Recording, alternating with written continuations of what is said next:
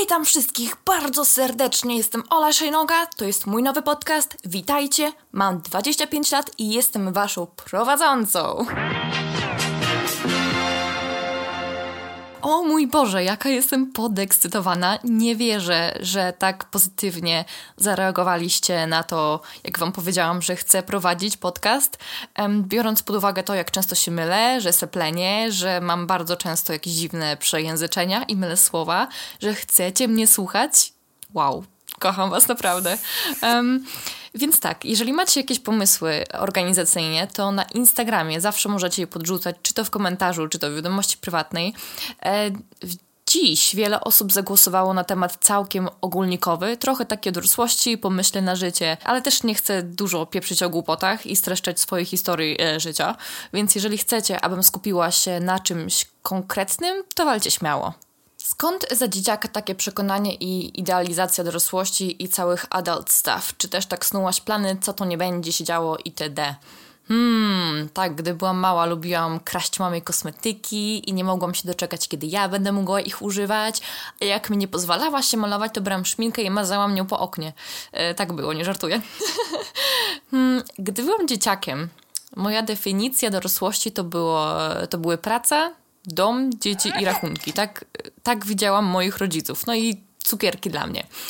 Mm, można pić piwo, palić fajki i głosować, ale poza tym hmm, chyba niezbyt jakoś o tym myślałam. Czy chciałam się dorosnąć? W pewnym momencie chciałam dorosnąć tylko, żeby iść do pracy i móc rodziców wesprzeć finansowo. To było, gdy mój tata miał wypadek i mało co nie umarł. Wtedy też pierwszy raz widziałam, jak moja mama płakała i po prostu Moja mama nigdy nie płacze, więc dla mnie, takiej osiemnastolatki czy tam siedemnastolatki, jak widziałam, jak moja mama płacze, to było coś takiego, że no, trzeba dorosnąć, trzeba zająć się rodziną. Ola, to jest twoja misja.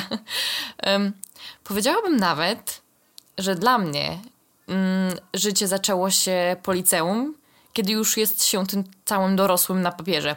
Tak jakby wszystko do liceum do tego czasu po liceum było tylko zabawą. Tak wszyscy nad tobą skaczą, skaczą, tak serio to nic nie musisz, no bo no bo co, praca domowa, jakieś tam zajęcia pozalekcyjne, no i ta matura i w ogóle, ach, wszyscy o tobie mówią, yy, mówią o maturzycach cały czas w telewizji, bla, bla, bla. Co jeszcze robiłam? Chodziłam sobie do szkoły, pojeździłam na rolkach, poczytałam książki, pospotykałam się z znajomymi. No to jest nic. Po prostu było fajnie. E, to śmieszne, ale bardzo często o tym myślę. E, bo dosłownie w dniu, w którym skończyłam szkołę, poczułam, że zaczyna się życie. Nastąpiła w ciągu następnych lat totalna karuzela emocji i doświadczeń, jaką miałam okazję, um, okazję się przejechać w następnych latach. Po prostu to jest nie do opisania. Gdy skończyłam tę osiemnastkę, wciąż czułam, że coś się zmienia, z dnia na dzień coś nowego. E, po prostu ogrom tego momentami mnie bardzo, bardzo, bardzo przygniatam, bo po prostu nie wiedziałam, co się dzieje. Jeszcze u mnie w życiu nigdy tyle się nie działo. I patrzyłam wtedy na przykład pół roku w tył i myślałam, wow, ile nowych rzeczy potrafię, ile nowych rzeczy doświadczyłam i jak bardzo jestem inną osobą. No a do, tych, do tej całej osiemnastki wszystko było takim jednym wielkim slow motion. I bardzo często właśnie o tym myślę, że moje życie zaczęło się po liceum. Jak wyobrażałam sobie swoją przyszłość? Jako plan taki, dosłownie, taki plan, co pisze się na Polaku w szkole, taki plan wydarzeń po przeczytanej lekturze. W wieku 19 lat zacznę, uwaga, teraz czytam mój plan mojego życia. W wieku 19 lat zaczynam wymarzone studia. Dostaję super pracę. Punkt trzeci, w której dobrze zarabiam dodatkowo. Kupuję mieszkanie i żyję długo i szczęśliwie z rudym kotem, bo wtedy jeszcze nie wiedziałam, jak zajebiste są psy. No a teraz chcę psa i kota. Powiem wam, że cały ten misterny plan poszedł się jebać. Krótko mówiąc. Studia, mieszkanie. Pamiętam właśnie jak się, jak zastanawiałam się, jak, będzie jak będą wyglądały moje studia, jakie będę mieszkanie miała, zapisywałam miliony zdjęć, miałam foldery, tak będzie wyglądała moja sypialnia, tak wy, będzie wyglądał mój salon. Tak, zawsze chciałam się wyprowadzić. Po prostu dla mnie chciałam bardzo mieszkać sama. Pamiętam nawet, że raz tatą się poprzytykałam, bo strasznie mnie irytowało, że cały czas mi ktoś przeszkadza, że nie mogę być nigdy sama, nie mam prywatności. Pamiętam, że kiedyś tacie powiedziała, że cholera, już nie doczekam się, aż się wyprowadzę. Najgorzej, że do dzisiaj pamiętam, jak wtedy na mnie spojrzał. To było, to, to było naprawdę przykre. To, co powiedziałam do swojego taty, było naprawdę przykre. Szczególnie, że teraz z wielką radością przyjeżdżam do domu i z radością spędzam tu tydzień, zanim wszyscy nie zaczniemy sobie skakać do gardeł. A tak serio, przyjeżdżam tutaj dla dwóch rzeczy. No teraz dla trzech. Doszła trzecia, bo ekspres do kawy tata ekstra kupił. Pierwsze przyjeżdżam do psa, drugie przyjeżdżam, żeby latem posiedzieć na naszym ekstra tarasie. Bardzo chciałam już iść do pracy, jak byłam mała szkołę, szkoła była dla mnie taka, mm, okej, okay, byłam takim naprawdę przeciętnym uczniem, jeżeli coś mi się podobało, jeżeli coś lubiłam robić, dawałam z siebie wszystko, a reszta była taka, żeby po prostu zaliczyć. Więc zawsze bardzo chciałam iść do pracy. Zawsze lubiłam pracować, nawet jak wpadało mi zrobienie czegoś drobnego za dzieciaka. Teraz uwaga, nie naślijcie na mnie skarbówki. Sprzedawałam kasztany mieliśmy, mamy, wciąż mamy ogromną, e, ogromnego kasztana na naszym podwórku, więc po prostu zbierałam kasztany i przy płocie je sprzedawałam. Na przykład e, reklamówkę za 2 zeta. Często starsze babcie kupowały w drodze do kościoła, bo mieszka, mieszkam blisko kościoła i one tego używały jako, nie wiem, czegoś do masowania. W każdym razie, po coś im było, było to potrzebne. Tak samo jabłka. Mieliśmy od cholery jabłonek na podwórku. No i co? Taka Ola wzięła, pozbierała jabłka w reklamówkę i też opyliła za... Pamiętam, że raz sprzedałam je za paczkę gumy, cholera. I za dwa złote więc się, więc nie zarobiłam dużo. Też, o mój Boże, ale żenujące wspomnienie. Wyciągnęłam, dostałam kiedyś święta taki zabawkowy keyboard i kiedyś poszłam z nim pod bramę domu i grałam.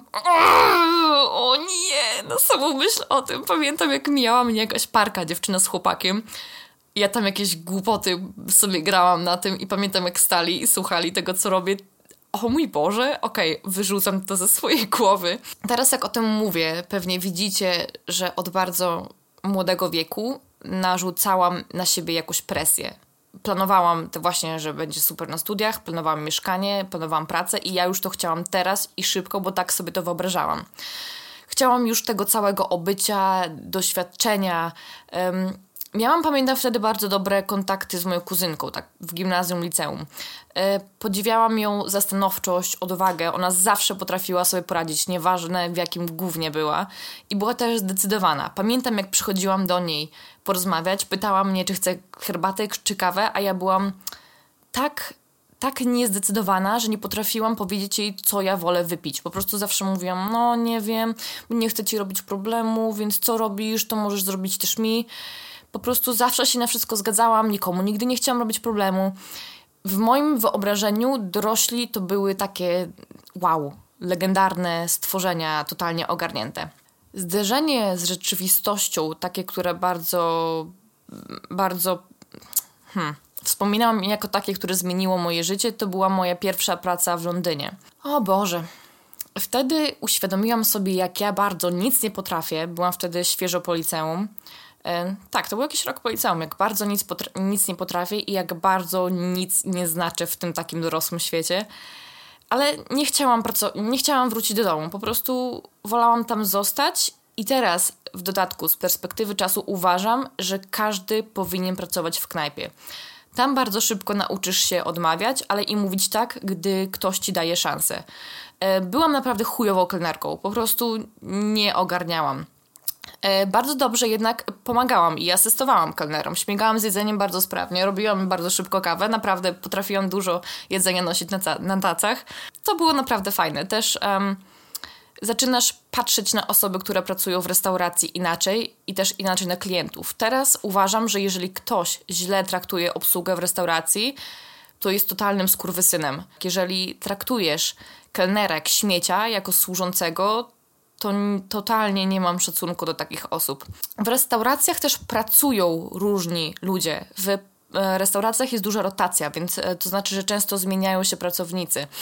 I tam trzeba było odłożyć bardzo często um, jakieś sprzeczki na bok, no bo robota musiała być wykonana. Trzeba też było stanowczo mówić nie, bo inaczej każdy by cię o coś prosił, potem by cię zarzucili, zarzucili wykorzystali i byłbyś takim popychadłem. Pamiętam, że ja byłam 19-letnią gówniarą, jak tam zaczęłam pracę i właśnie wszyscy na początku tak próbowali, że Ola, zrób to dla mnie, Alex, do this for me, Alex, do this for me. I w końcu ktoś mi powiedział, Alex, say no, say no. Więc zaczęłam mówić nie, nie, nie, nie. To było moje ulubione słowo.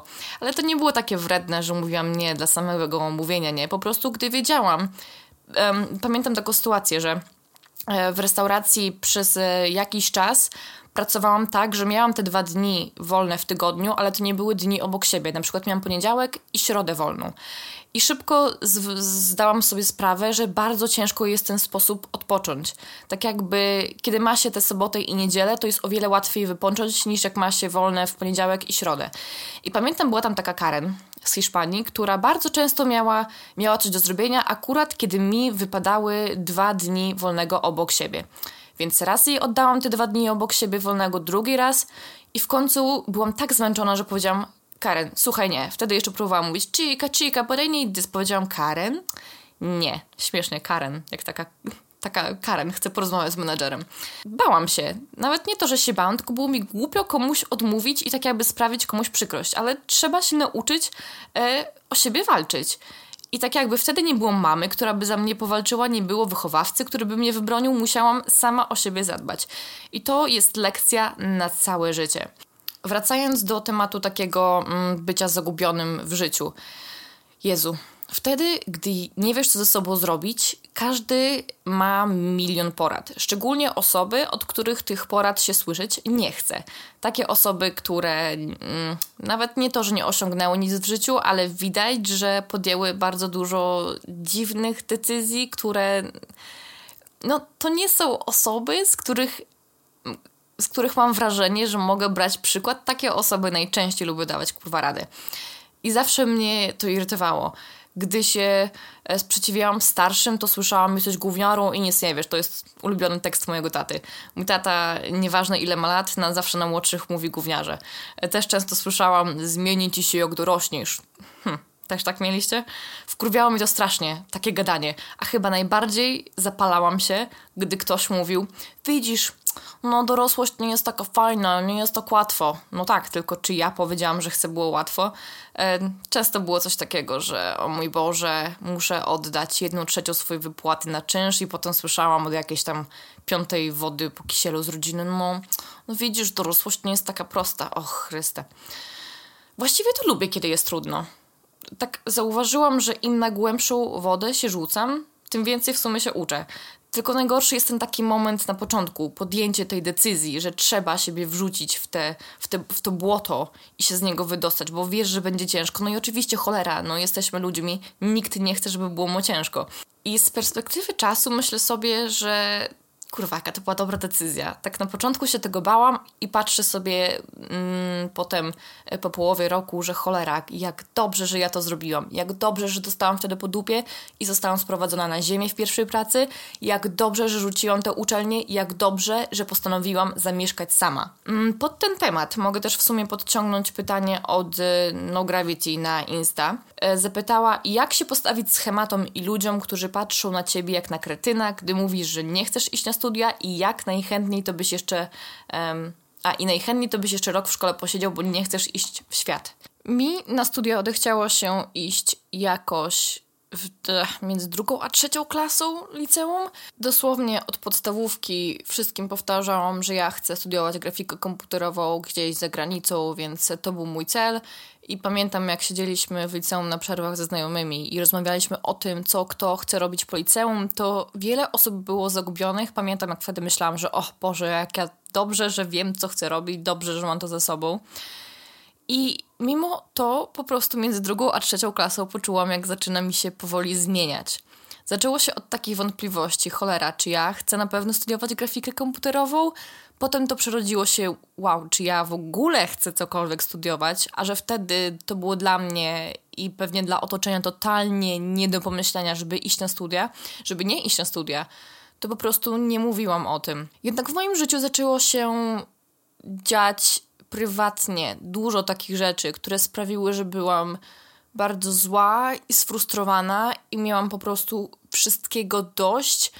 I w pewnym momencie nawet nie to, że zaczęłam wszystko, że, że zaczęłam sobie pewne rzeczy odpuszczać, tylko zaczęłam, tak jakby zaczęły ze mnie wychodzić wszystkie negatywne emocje na zewnątrz. Um, chyba w drugiej klasie, czy tam na początku trzeciej, to już było po złożeniu papierów na studia w USA, rozmawiałam z moją doradczynią, Boże, od karier? W szkole jest ktoś taki. I w każdym razie zapytała mnie Ola, no to ja na jakie studia chcesz iść, jaki kierunek? I pamiętam, że wtedy pomyślałam, a zrzucę bombę i powiedziałam, no mi to właściwie się na studia nie chce iść. I zapadła cisza taka między nami. I to było w trakcie lekcji, jakoś taka była luźniejsza godzina w szkole, w szkole, więc popatrzyła na mnie i powiedziała, no to może się zastanowisz. Powiedziałam może i w sumie odeszłam. Pamiętam, że potem przez kolejne tygodnie nauczyciele zatrzymywali mnie na korytarzu.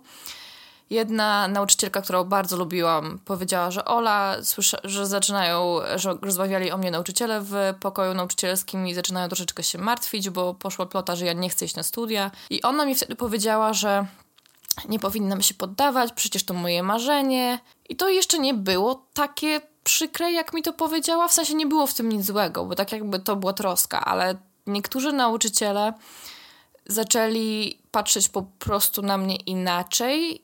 Zaczęłam czuć taką jakby krytykę i dezaprobatę. To znaczy, rozumiem, idziesz do liceum po to, żeby domyślnie iść potem na studia, no bo co ci do cholery liceum daje? Świstek papieru zwany maturą, żadnego w sumie doświadczenia. I mój wychowawca zaczął wtedy chodzić za mną i mówić, że jak już nie pójdę na studia, to już nigdy nie będzie mi się chciało, że zmarnuję sobie życie, bla, bla, bla. No i to było bardzo przykre, szczególnie, że zamiast usiąść i porozmawiać o tym ze mną, to pamiętam, że raz po prostu to rzucił na korytarzu i poszedł sobie dalej na, na dyżur.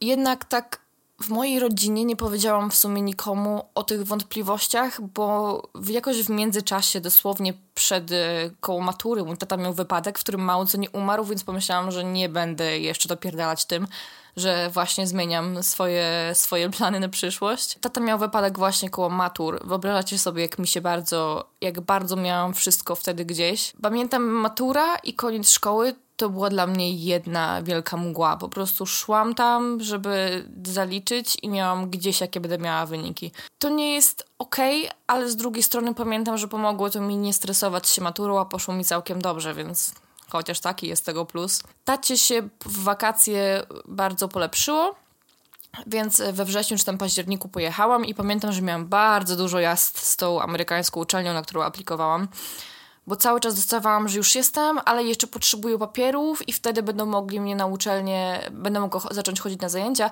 I pamiętam, że w pewnym momencie e, miałam po prostu tego dość. W dniu, w którym zaczęły się wykłady, a ja jeszcze nie wiedziałam, czy jestem ostatecznie przyjęta, powiedziałam, to jest znak, że ja tego nie chcę. Miałam tego tak dość, że w jeden dzień powiedziałam, mamo, tato, nie idę na studia.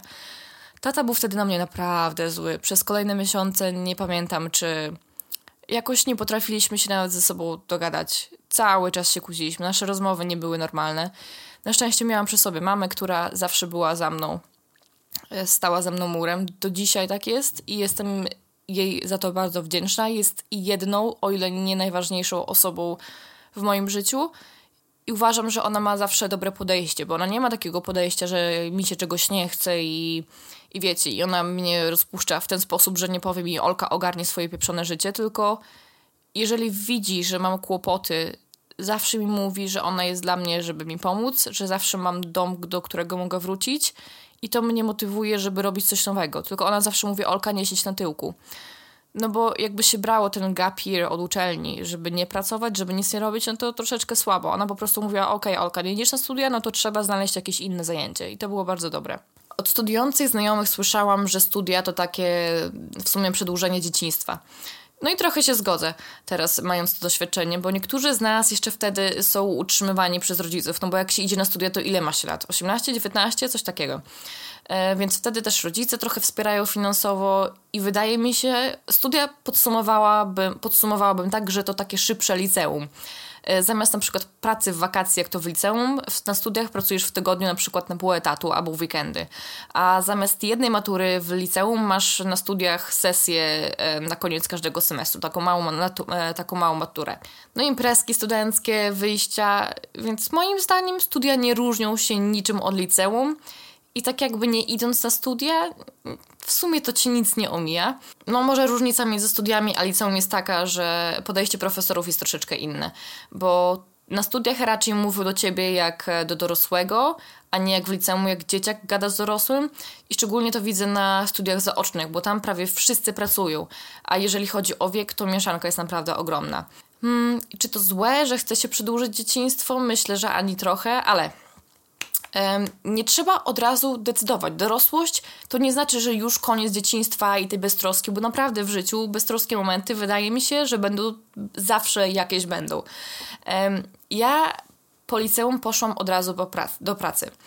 I myślę, że to był bardzo, bardzo ważny dla mnie krok. Myślę, że to był bardzo słuszny krok, bo na przykład zrobić sobie rok przerwy właśnie między, studia, między liceum a potem studiami żeby tylko się opierdalać, to moim zdaniem nawet nie jest chęć przedłużenia dzieciństwa, a skrajna nieodpowiedzialność, bo przecież jak pomyślimy sobie o ludziach, to nawet dzieci mają obowiązki, nawet dzieci przecież chodzą do szkoły i robią coś.